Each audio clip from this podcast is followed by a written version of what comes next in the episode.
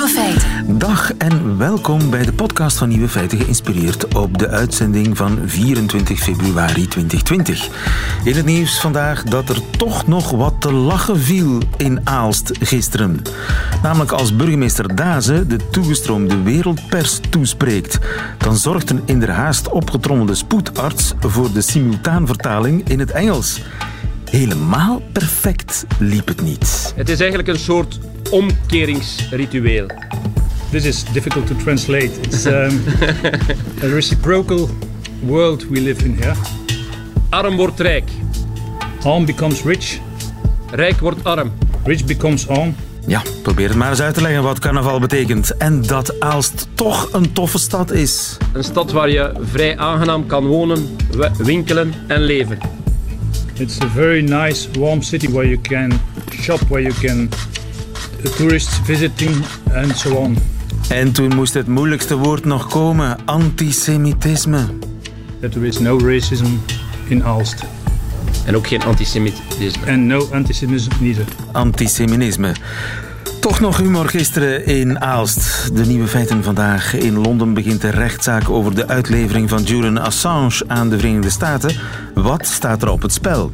Frankrijk blijft zich verbazen over de bizarre uitspraken van de politica Nadine Morano, weet Alex Visorek. Meer dan 60% van de Nederlanders gelooft in mirakels. En de gezondheid van de presidentskandidaten wordt meer en meer een thema in Amerika nu alle koplopers in de race naar het Witte Huis 70 plus zijn. De nieuwe feiten van journalist Karel Voet hoort u in zijn middagjournaal. Veel plezier. Nieuwe feiten. Wordt Julian Assange uitgeleverd aan Amerika? Tim de Wit, goedemiddag. Goedemiddag. Ik hoor kabaal bij jou op de achtergrond. Jij staat aan de rechtbank in eh, Londen, de rechtbank waar vandaag het uitleveringsproces begint. Het uitleveringsproces tegen Julian Assange en zijn, zijn supporters staan voor de poorten. Jazeker, ik denk dat er een eh, kleine 100, 200 zullen zijn hier. Je kan ze inderdaad horen, ze schreeuwen om zijn vrijlating. Zij vinden namelijk dat Assange volkomen onterecht gevangen wordt gehouden op dit moment. Dat vinden ze natuurlijk al jaren, hè, want eh, dit verhaal met Assange speelt natuurlijk al jaren. Hij heeft eh, tot vorig jaar, zeven jaar, zat hij in de ambassade van Ecuador in Londen. Daar is hij uiteindelijk gearresteerd en nu is het proces tegen hem begonnen.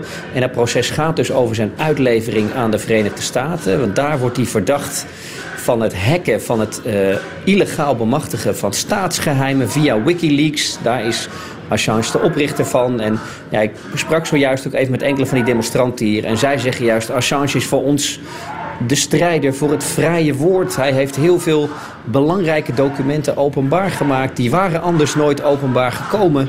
En eh, daar staat helemaal geen gevangenisstraf op. Hij zou geëerd moeten worden. Hij zou als een held behandeld moeten worden. Ja. daar gaat het dus vandaag ook in de rechtbank over. Ja, hij heeft eh, wandaden aan het licht gebracht van de Amerikanen in eh, Irak onder meer. De rechter moet nu oordelen of hij zal uitgeleverd worden aan de Amerikanen of niet. Daar staat heel wat voor hem op het spel, want hij kan, las ik ergens, tot 175 jaar gevangenisstraf krijgen in de Verenigde Staten. Ja, want eh, de Amerikanen hebben maar liefst 18 aanklachten tegen hem eh, neergelegd. En eh, de belangrijkste zijn dus inderdaad, wat ik net al zei, het hacken, het onrechtmatig in handen krijgen van die staatsgeheimen, van die defensiegeheimen. eh, maar ook valt dat allemaal onder de spionagewet in Amerika. Dat betekent dat daar gigantische gevangenisstraffen voor staan. En al die 18 aanklachten bij elkaar opgeteld zou in theorie dan inderdaad kunnen betekenen dat hij 175 jaar celstraf zou kunnen krijgen. Maar goed, daar moet hij wel dus eerst uitgeleverd worden. En goed om te vertellen wat er vandaag gebeurt in Londen heeft niets met een echte inhoudelijke behandeling te maken van Assange, maar gaat veel meer over het feit of de Britse rechter vindt dat er genoeg grond is om hem uit te leveren. Is er inderdaad, hebben de Amerikanen voldoende bewijs om te zeggen Assange moet inderdaad worden berecht in Amerika? En dat is eh, aan een Britse rechter, want hij wordt hier nu op dit moment vastgehouden. En dat wordt wel een spannende zaak, want eh, de, Britten, de Britse regering heeft zich achter de Amerikanen geschaard. Die vinden het eh, goed dat hij wordt uitgeleverd. Maar ja, zijn advocaten zullen natuurlijk ervoor blijven pleiten dat Assange een journalist is. Iemand die als media heeft gehandeld en het recht op vrije pers dat, dat houdt toch ook in, vinden zijn advocaten, dat je documenten die in het publieke belang zijn openbaar kan maken. En dat heeft hij gedaan. En dat zal dus de strijd worden die, eh, waar de rechter uiteindelijk een keuze eh, uit zou moeten maken. Dat zal allemaal lang duren, moet ik er ook bij zeggen. Want vandaag is de eerste dag. De hele week zullen we zittingen krijgen. Dan zal dit in mei verder gaan en krijgen we een eerste uitspraak. Maar stel dat Assange verliest. Ja, dan zal er nog een hoger beroep kunnen volgen. Ja. Dus het is goed mogelijk dat hij hier nog wel meer dan een jaar vast zou kunnen zitten. voordat echt duidelijk is wat er nu met hem gaat gebeuren. Ja, zijn gezondheid zou heel fragiel zijn. Hoor je daar ook dingen over? Weten we daar dingen zeker van? Nou, wat interessant is, eh, want ik volg deze zaak hier met allerlei andere journalisten in een ruimte naast eh, de rechtszaal. En we kunnen hem dus zien op het scherm. En hij maakt een vrij eh, gezonde indruk, moet ik zeggen. Hij kwam binnen in een grijs pak. Eh, hij was duidelijk eh, naar een kapper geweest. Zijn haar zat goed. Hij zag er geschoren uit. Groot verschil met de Assange, die, we, die beelden kun je wellicht nog herinneren. Zagen toen hij vorig jaar uit die ambassade van Ecuador werd gehaald. Met een hele lange baard. Hij zag er toen erg moe, erg slecht uit ook.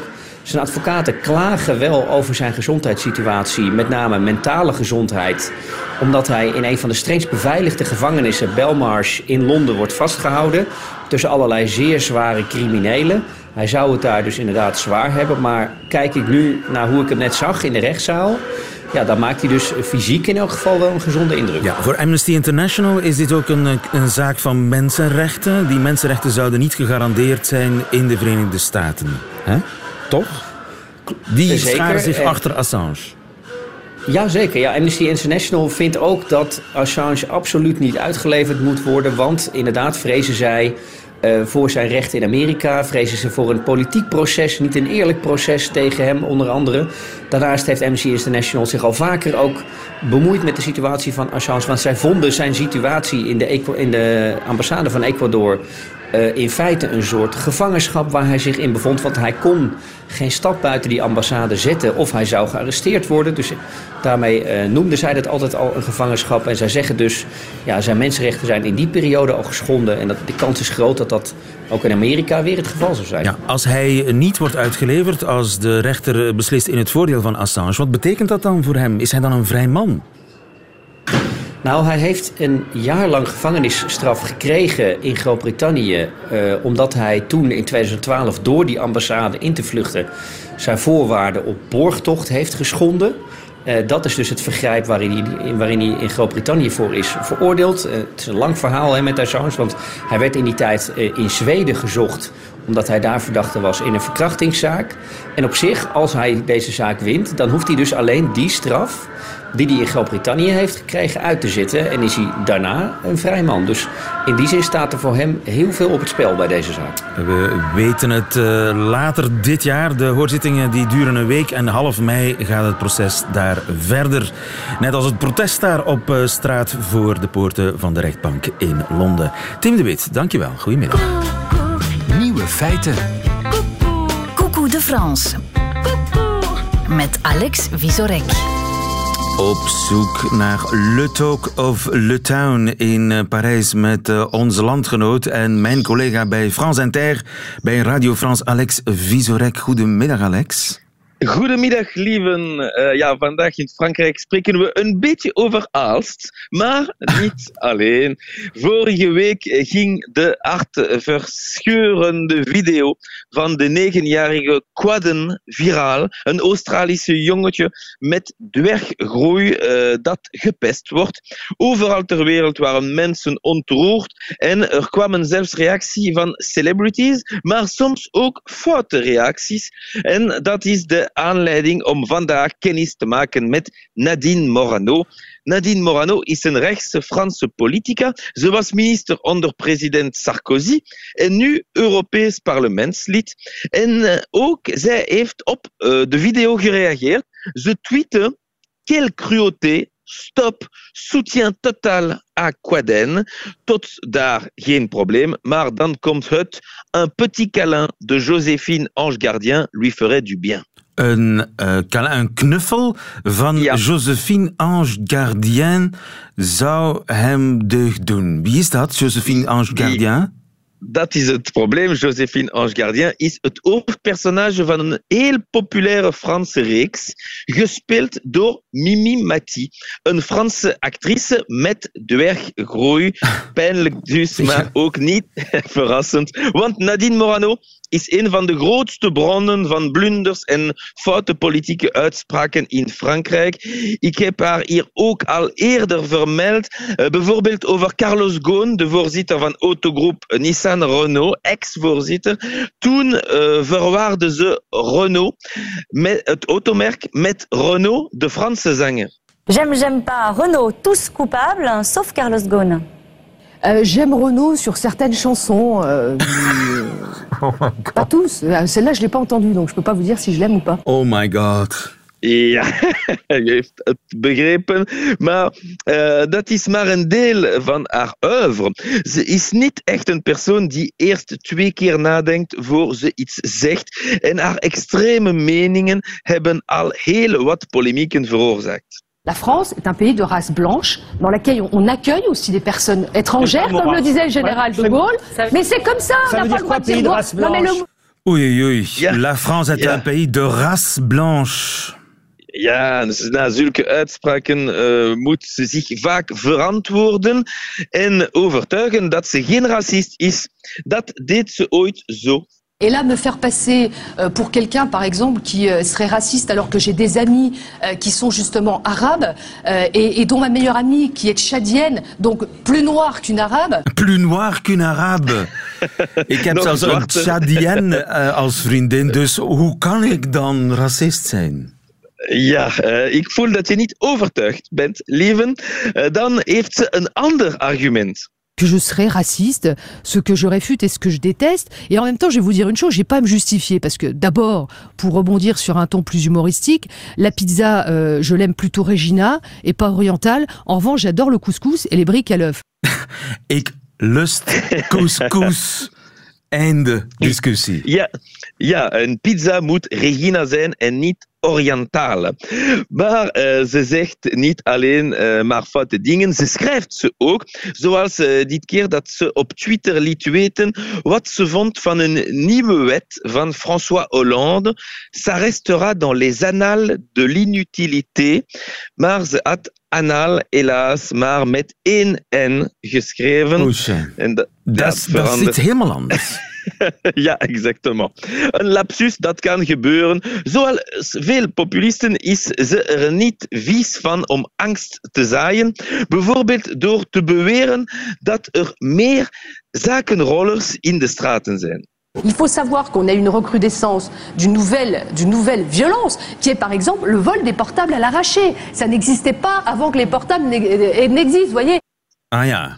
Ja, er is een stijging in aantal smartphones die gestolen worden. En dat gebeurde nooit voordat de smartphones bestonden. Daar heeft ze gelijk en, in. Ja, ja, daar heeft zeker gelijk in.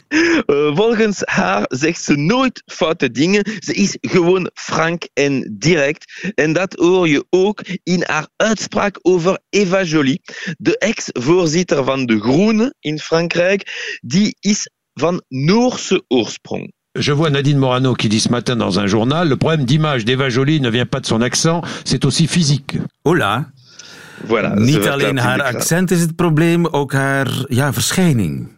Ja, dat is het. Ze uh, draait er haar hand er niet voor om om zelfs op het uiterlijk commentaar te geven. En dat heeft ze nog maar eens bewezen met die tweet over die Australische jongen Quadden. Uh, maar pas op, het is niet dat ze iets tegen dwergen heeft. Ah, nee. Ze zal zeker dat ze ook vrienden heeft die klein zijn. En kleiner nog dan Quadden. Ongetwijfeld. Misschien. Misschien wel. Dankjewel en tot volgende week Alex Visorek, onze man in Parijs. Goedemiddag. Tot volgende week.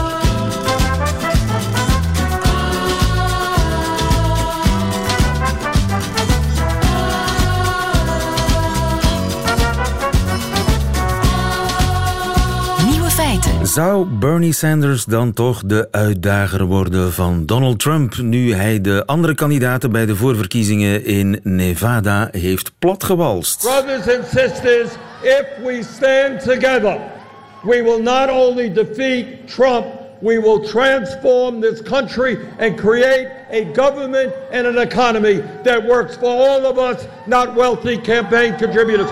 Thank you all very much. Bernie Sanders, bijna 80, loopt zich warm voor de race naar het Witte Huis. Maar de vraag is, kan zijn hart het wel aan? Michiel Vos, goedemiddag. Goedemiddag, lieven. Je stelt de juiste vraag. Onze man eh, in Amerika, onze man in New York, waar het nog heel vroeg is in de ochtend. Bernie Sanders die haalt bijna de helft van de stemmen in de voorverkiezingen in Nevada. Kreeg dus niet alleen de steun van uh, zijn traditionele achterban, de witte linkse studenten. Maakt hij echt kans op de nominatie, denk je? Ja, de volledige paniek bij het establishment in de Democratische Partij is wel uitgebroken, lieven. Inderdaad, hij maakt kans. Hij heeft het heel goed gedaan in het diverse Nevada. Daar is het dus een groot aantal Latino-stemmers, een groot aantal African-American stemmers. Inderdaad, ook jonge stemmers, maar ook heel veel mensen met een diverse achtergrond. Veel meer dan de eerste twee staten, Iowa en New Hampshire. Daar heeft hij het heel goed gedaan in dat Nevada. En dat is verrassend, opvallend. Misschien niet zo heel verrassend, het was al aangekondigd. Maar nu is hij inderdaad de grote winnaar, de koploper van de voorverkiezingen tot nu toe. Er kan nog van alles gebeuren, maar het gaat wel heel snel. Uh, later deze week South Carolina en dan op 3 maart Super Tuesday. Als hij het in South Carolina aardig doet, goed genoeg doet. En hij doet in Super Tuesday, op Super Tuesday, wanneer zo'n beetje een derde van het aantal gedelegeerden wordt geselecteerd. Als hij het dan goed doet, ja, dan zit hij gebakken. Dan wordt hij de genomineerde van de Democratische Partij. Terwijl de beste man niet eens democraat is. Hij is dus officieel geen partijlid. Ja, en dus de, paniek is totaal bij het establishment. Hebben zij nog iets achter de hand wat ze kunnen doen? Het establishment dacht heel lang natuurlijk dat Mike Bloomberg, de man die niet meedoet aan de eerste vier voorverkiezingen, maar pas bij Super Tuesday komt kijken, officieel, dat die hun redder in nood zou worden. Maar de man heeft het heel slecht gedaan, vinden velen, tijdens het laatste debat tussen de kandidaten uh, afgelopen week in datzelfde Nevada. Toen viel hij een beetje door de mand. Hij was oud, hij was stram, hij was langzaam, hij was traag. En hij is ook, ook hij is niet een echte democraat, zeggen veel mensen. Hij was natuurlijk zijn leven lang een republikein. En een beetje een, ja, een, beetje een moeilijk, te, uh, moeilijk te strelen kandidaat. Niet een erg zachte figuur. Een beetje een bokkige, nukkige oude man. Die weliswaar succesvol burgemeester was van New York City. Ja, dus als wit konijn kan hij uh, misschien niet dienen. Uh, de spanning stijgt in ieder geval. Nu, ik had het al over zijn hart. Want als je de man ziet, denk je toch kan zijn hart het wel aan. Uh, hij heeft een hartaanval gehad en over zijn gezondheid zei uh, Sanders in datzelfde debat waarvan al sprake in Nevada het volgende. So we released the full report of that heart attack. Second of all, we released the full, my whole 29 years in the Capitol, the attending physician, all of my history, medical history, and furthermore, we released reports from two leading Vermont cardiologists who described my situation, and by the way, who said Bernie Sanders is more than able to deal with the stress and the vigor of being president of the United States. Hey, follow me around the campaign trail, three, four, five events a day. See how you're doing compared to me. Ja, vijf events doe ik per dag soms. Uh, probeer dat maar eens na te doen. Hij heeft weliswaar twee stents zitten in zijn hart, maar hij is fit voor de job en stressbestendig. Uh, bevestigen ook twee, wat hij leading cardiologists noemt uit Vermont. Uh, deelt hij eigenlijk zijn volledige medische dossier met de kiezer? Nee, dat zou hij eerder wel gaan doen, maar dat doet hij nu toch niet. Hij heeft dus de informatie gegeven die we net gehoord hebben. Dat is het zo'n beetje. Hij is er open over geweest, laten we daarover duidelijk over zijn. Maar goed, een hartaanval voor een nu 78-jarige is niet niks. En de man wordt in september van dit jaar 79. Dat is, hij is het oudste uit het hele veld, by far. Uh, het is een oude, zoals we hem kennen, een beetje een oude, kranige man. Die inderdaad voor niets en niemand bang is. En al 100 jaar hetzelfde zegt. Dat is ook zijn populariteit, dat hij authentiek is. Dat hij inderdaad een hartaanval ja, had vorig jaar, eind vorig jaar was verrassend voor velen. Maar het was net zo verrassend dat hij, mm, in mijn herinnering althans, tien dagen later weer gewoon op campagne was. Het was even in het ziekenhuis, toen thuis en toen was hij weer terug op campagne. De man is eigenlijk niet te stoppen en dat zie je nu ook electoraal. Hij is, hij is nu op dit moment duidelijk de koploper. Niet Joe Biden, niet Mike Bloomberg en ook niet Pete Buttigieg. Bernie Sanders is de man, is de man to beat right now. Ja. Hoewel hij dus heel oud is. Hoewel hij heel oud is, maar zijn concurrenten, de andere koplopers in de race naar het Witte Huis, inclusief Donald Trump, die zijn ook 70 plus. Biden. Juist. En Nee, dat- Warren is 70. En eh, wie heb je er nog allemaal? Nou, Joe Biden is inderdaad 78. Elizabeth En Warren Bloomberg is niet wordt zo 71. heel erg veel jonger dan Bernie jaar. Stands. Heeft Nee, ook twee stands jonger. zitten. Eén jaar. En dat werd, dat werd in het debat ook nog even tussen deze twee 70 jaar oude eh, uitgewisseld. Live op het, de, de- op, eh, op het podium. Ja, jij hebt ook een stance. Ja, ik heb ook een stance. Ik ben lid Ja. van de Stance Club. Nou, Ja. Dat was een beetje een soort van giechelmoment. En Donald Trump, dat zeg je terecht, wordt in juli van dit jaar 74. Hij is licht overweight. Hè, een klein beetje overgewicht heeft hij. Maar goed, dat is ook een man die, moet je toch eerlijk toegeven, dag in dag uit heel energiek te werk gaat. Vanaf half zeven twitterend eh tekeer gaat en nooit een dag mist. En gewoon, ja, dat zijn mensen die toch heel eh ja, kwiek overkomen. Hoewel ze dus inderdaad in de tweede helft van de 70 zijn. Ja, Allemaal uit zoveel naar jaren 40. En is dat toeval? Willen de Amerikanen dan zo graag een bejaarde president? Ja, volgens mij is het toeval. Ik bedoel, er, waren, er, waren, er zijn ook natuurlijk zat jonge kandidaten. Cory Booker was er, er was Pete Buttigieg, er, was, eh, nou goed, er zijn er genoeg. Eh, Kamala Harris. En ook in het veld in 2016 tegenover Trump waren er genoeg eh, jonge of jongere, jongere eh, republikeinse uitdagers. Uiteindelijk heeft Trump het ge- gered om zijn authenticiteit, deels. Er zijn honderd redenen aan te wijzen. En dat is bij Bernie Sanders, hè, die oude senator die we allemaal kennen met dat gekke haar, zal ik maar zeggen. Onze oude, een beetje grommige oom die we allemaal hebben in de familie. Dat is de man die we kennen, al 100 jaar in Amerika. En dat is ook de man, ja, oud en wel, die we dus een beetje soort tot het meubilair, meubilair vinden horen van Washington. En die vinden we nu op dit moment in zijn authenticiteit op links, zeggen ze, ja, het beste. En het is opvallend hoe goed hij het doet. Want het is, een, het is een zelfverklaard socialist, laten we even heel duidelijk zijn. Dat wordt nog een hele tour om die man niet alleen genomineerd te krijgen, maar ook dan vervolgens te laten winnen, zeggen veel democraten. Dus vooral het establishment tegen Trump. Ja, maar hij is wel eh, uitstekend als debater en hij is zeer Juist. authentiek. En hij zou wel eens een heleboel mensen naar de stembus kunnen lokken die anders thuis blijven.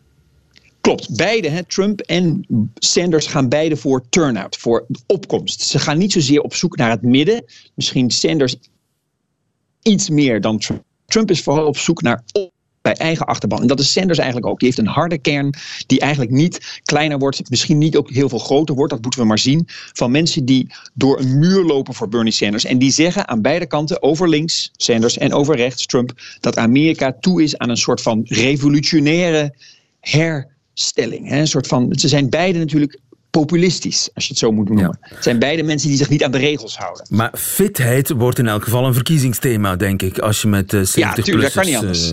eh, gaat eh, ja, nee, het is, het is, een, het is een het is een oude bende, lieve. Het is een beetje old Europe, zal ik maar zeggen, maar in Amerika. Het is net zo oud als old Europe. Maar jullie in Europa doen het met veel jongere mensen. Ja, en dan die gezondheidsrapporten, of we die nu krijgen of niet, dat wordt eh, belangrijk in de aanloop eh, van de presidentsverkiezingen in eh, november.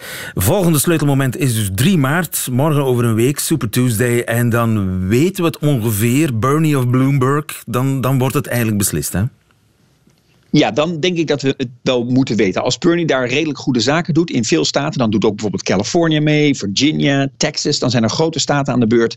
Als hij daar goede zaken doet, dan wordt het bijna onmogelijk, ook wiskundig gezien, zeg maar rekentechnisch gezien, om hem nog in te halen. Want elke keer wint ook een verliezer op een gegeven moment nog steeds gedelegeerden. Op zoek naar die nominatie tijdens de, eh, eh, de conventie deze zomer. Dus dan wordt het opeens moeilijk om hem in te halen. En dan zal Bernie Sanders, hoe gek dat ook een paar jaar geleden heeft geklonken, het is toch de uitdaging geweest van Hillary Clinton, de zelfverklaard socialist-democrat, die wordt dan de genomineerde van de Democratische Partij. Dan moeten we maar kijken hoe hij dat gaat doen in de herfst. Ja, Bernie of Bloomberg. En het enige wat die twee gemeen hebben is eh, twee stands in hun eh, hart. Dankjewel. In New York voor ons, Michiel Vos. Geen dank.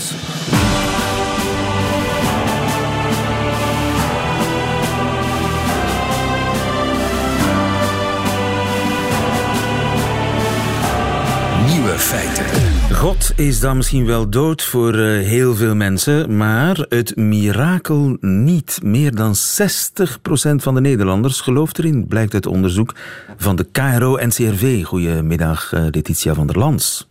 Goedemiddag, hier is Nederland. Daar is Nederland en daar is de KRO-NCRV, de Nederlandse omroep. Ja. Jullie hebben onderzocht of Nederland in wonderen gelooft. Hoe kwamen jullie daarbij? Ja. Nou, wij waren heel erg benieuwd, want uh, ja, God is dood, zegt u, maar uh, ja, dat is misschien... Voor heel veel mensen, hè? te heftig, ja, voor heel veel mensen. Maar uh, hier in Nederland en waarschijnlijk ook in België hebben we te maken met ontkerkelijking, met secularisering. En we dachten, is daarmee ook het wonder uit Nederland verdwenen? En er is in Utrecht, komt er in het Katerijnenconvent een grote tentoonstelling over wonderen. En dus wij waren heel benieuwd. Leeft het wonder nog onder de mensen. En wij zijn dus ook uh, verrast met uh, de uitkomsten dat ja, omgerekend 9 miljoen Nederlanders in meerdere of mindere mate in een wonder geloven. 9 miljoen Nederlanders geloven in wonderen. En wat zijn dan bijvoorbeeld die wonderen? Zijn dat wonderbaarlijke genezingen?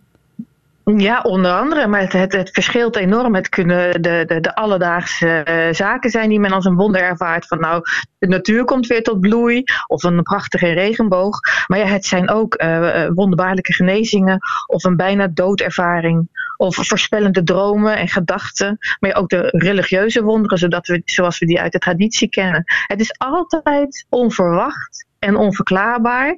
En vaak verandert het ook levens van mensen bovennatuurlijke gebeurtenissen, ternauwernood aan de dood ontsnappen. Dingen die je ja, niet kan ja. verklaren. En, Dingen die je niet kunt verklaren, ja. En Nederland is een land natuurlijk traditioneel gescheiden door protestanten en uh, katholieken. Is er een verschil qua geloof in wonderen tussen protestanten en katholieken? Ja, verrassend genoeg wel. Um, wij dachten natuurlijk van, nou ja, wonderen hebben altijd een prominente plaats in de katholieke cultuur gehad. Maar juist uit dit onderzoek komt naar voren dat van de mensen die in wonderen geloven, de katholiek op de, de, van de gelovigen de katholieken op de laatste plaats komen. De moslims en de andere christenen, zoals de evangelische, maar ook de protestanten, scoren hoger als het gaat om geloof in wonderen. En wij denken dat dat te maken heeft met uh, de, de actieve betrokkenheid bij het geloof. Katholieken in Nederland, ik weet niet hoe dat in Vlaanderen is, die noemen zich vaak wel katholiek, maar zijn er niet zo heel actief mee bezig. Het heeft niet zo'n hele grote rol in hun leven. En hoe actiever je betrokken bent op je geloof, dus als je vaker naar de vieringen gaat of, of er een grote rol in je leven speelt, dan is het geloof in wonderen ook groter. Dus protestanten zijn iets uh, ja, uh, ernstiger met hun geloof bezig dan katholieken die, ja, die, die, die, wat, die, wat grijzer zijn. Dat is, ik denk, in uh, Vlaanderen en België niet anders. En mannen vrouwen, ja. zit daar een verschil tussen? Iets meer vrouwen dan mannen, maar het verschil is niet heel erg groot. En je ziet het eigenlijk van 16 tot 90 jaar. Het, het, het komt onder alle bevolkingsgroepen, onder alle leeftijden komt het voor, het geloof, het, het, het, het geloof in wonderen. En wat ook opvallend is, uh, als het leven op uh, keerpunten kent, dus rond geboorte, rond dood, rond ziekte en, en grote veranderingen, dan komen wonderen vaker voor. En dat lijkt ermee te maken te hebben dat als alles goed gaat in je leven, dan sta je minder open voor wonderbaarlijke dingen. Maar als je de controle verliest, de regie kwijtraakt, dan is, er een grotere openheid voor, voor ja, wonderbaarlijke gebeurtenissen. Ja, dus het is iets waar uh, mensen die al wat meegemaakt hebben meer voor openstaan. En hoe zit het qua opleiding? Uh, geloven dokters even sterk in wonderen dan bouwvakkers en brandweerlui? Nou, het lijkt erop uh, in dit onderzoek, maar daarvoor waren de aantallen niet groot genoeg. Maar het lijkt erop dat mensen met uh, bijzondere beroepen, zoals dokters en mensen uh, die, die dicht bij de natuur staan en dicht bij die keerpunten in het leven, dat die vaker een wonder meemaken. En dat kan dus ook te maken hebben met, het, met, met die kantelpunten in het leven. Maar daar was de steekproef niet groot genoeg voor. Maar het lijkt erop dat dokters vaker een wonder meemaken dan andere mensen. Ja. Wat moeten we hier nu uit besluiten? Dat uh, wonderen des mensen zijn, dat los van het feit of ze nu waar en wetenschappelijk te bewijzen zijn, wonderen mensen uh, ja, het leven draaglijker maken? Ja, dat, dat ziet er naar uit. Er is dus nog steeds een grote openheid en, en geloof in wonderen. En het blijkt ook dat het de levens van mensen verandert. Dus ze worden er positiever, milder van, minder angstig. En het is veel minder dat men op zoek is naar hoe komt het nou? En veel meer zoekt naar wat betekent dit voor mijn leven? Dus het zoeken naar betekenis, naar zin, dat werd vroeger door de kerk ingevuld. Maar die openheid en dat zoeken, daarvoor staan we open voor wonderbaarlijke gebeurtenissen. Dat blijkt. Dankjewel, Letitia van der Lans van KRO NCRV. Wat was nu ook alweer katholiek en wat protestant? NCRV, NCRV protestant, katholiek was KRO, hè? Waren de katholieken, NCV waren de protestanten. En, nu zijn we samen. Nu zijn jullie samen, voilà. Dat, Dat is al een wonder. Dat is dat op zich is al een wonder. Inderdaad, Letitia van der Lans. Dankjewel. Goedemiddag. Goeiedag. Dag. Nieuwe feiten. Dat waren ze, de nieuwe feiten van 24 februari 2020. Alleen ook die van Karel Voet krijgt u, de journalist, in zijn middagjournaal. Waar is hij vandaag mee bezig? Nieuwe feiten. Middagjournaal. Beste luisteraar, vrijdagavond belandde ik met de afstandsbediening in de hand bij Op1, de dagelijkse talkshow in Nederland. Ik zat wat te wennen aan de presentatoren, want sinds het vertrek van Eva Jinek spelen ze abondans bij de Nederlandse staatsomroep. Elke weekdag zit er een ander koppel, een vrouw en een man, heel netjes. Maar toen, beste luisteraar, kreeg ik door dat Evert van Bentum aan tafel zat. Evert van Bentum, tweevoudig winnaar van de Elfstedentocht, een sportlegende in Nederland. Het was de 35ste verjaardag van zijn eerste overwinning. De commentator van toen zat er ook en dat bleek een achterneef van Van Bentum. Leuk, gezellig allemaal en Van Bentum liet het zich wel gevallen. Hij was altijd blijven boeren, maar dat veebedrijf van hem was eigenlijk te klein om er de kost mee te verdienen. Hij had er een kaasboerderij van gemaakt en het plan was rechtstreekse verkoop aan de klant. Met die bekendheid van hem moest dat lukken. Dat bleek dus tegen te vallen. De bussen toeristen reden af en aan om van Bentum te komen begapen, maar kaas kopen, ho maar. Van Bentum had de Elfstedentocht van 97 nog gereden, gewoon om te genieten. Daarna hadden hij en zijn vrouw een drastisch besluit genomen. Ze waren naar Canada vertrokken, land van eindeloze mogelijkheden voor landbouwondernemers. De uitzending was dus niet alleen nostalgie. Er zat nog een andere veehouder aan tafel en die ging straks van Bentum achterna naar Canada. Het probleem met de stikstof, ja, en wie weet wat kwam er daarna nog. Altijd nieuwe voorschriften en investeringen.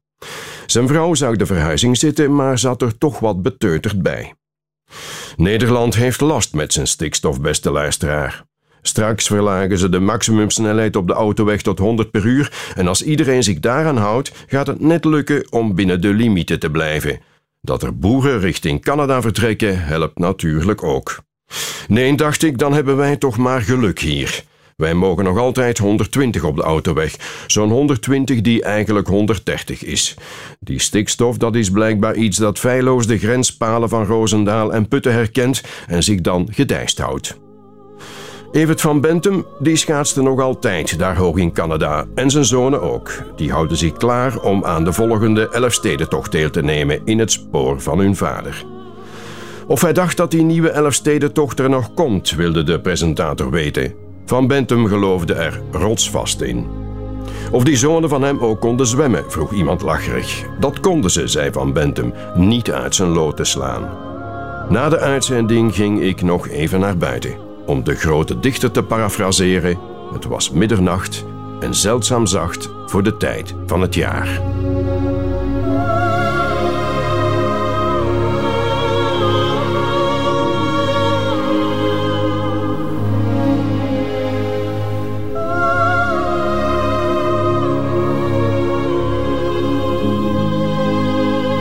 Karel Voet in het Middagjournaal. Einde van deze podcast. Hoort u liever de volledige uitzending met de muziek erbij?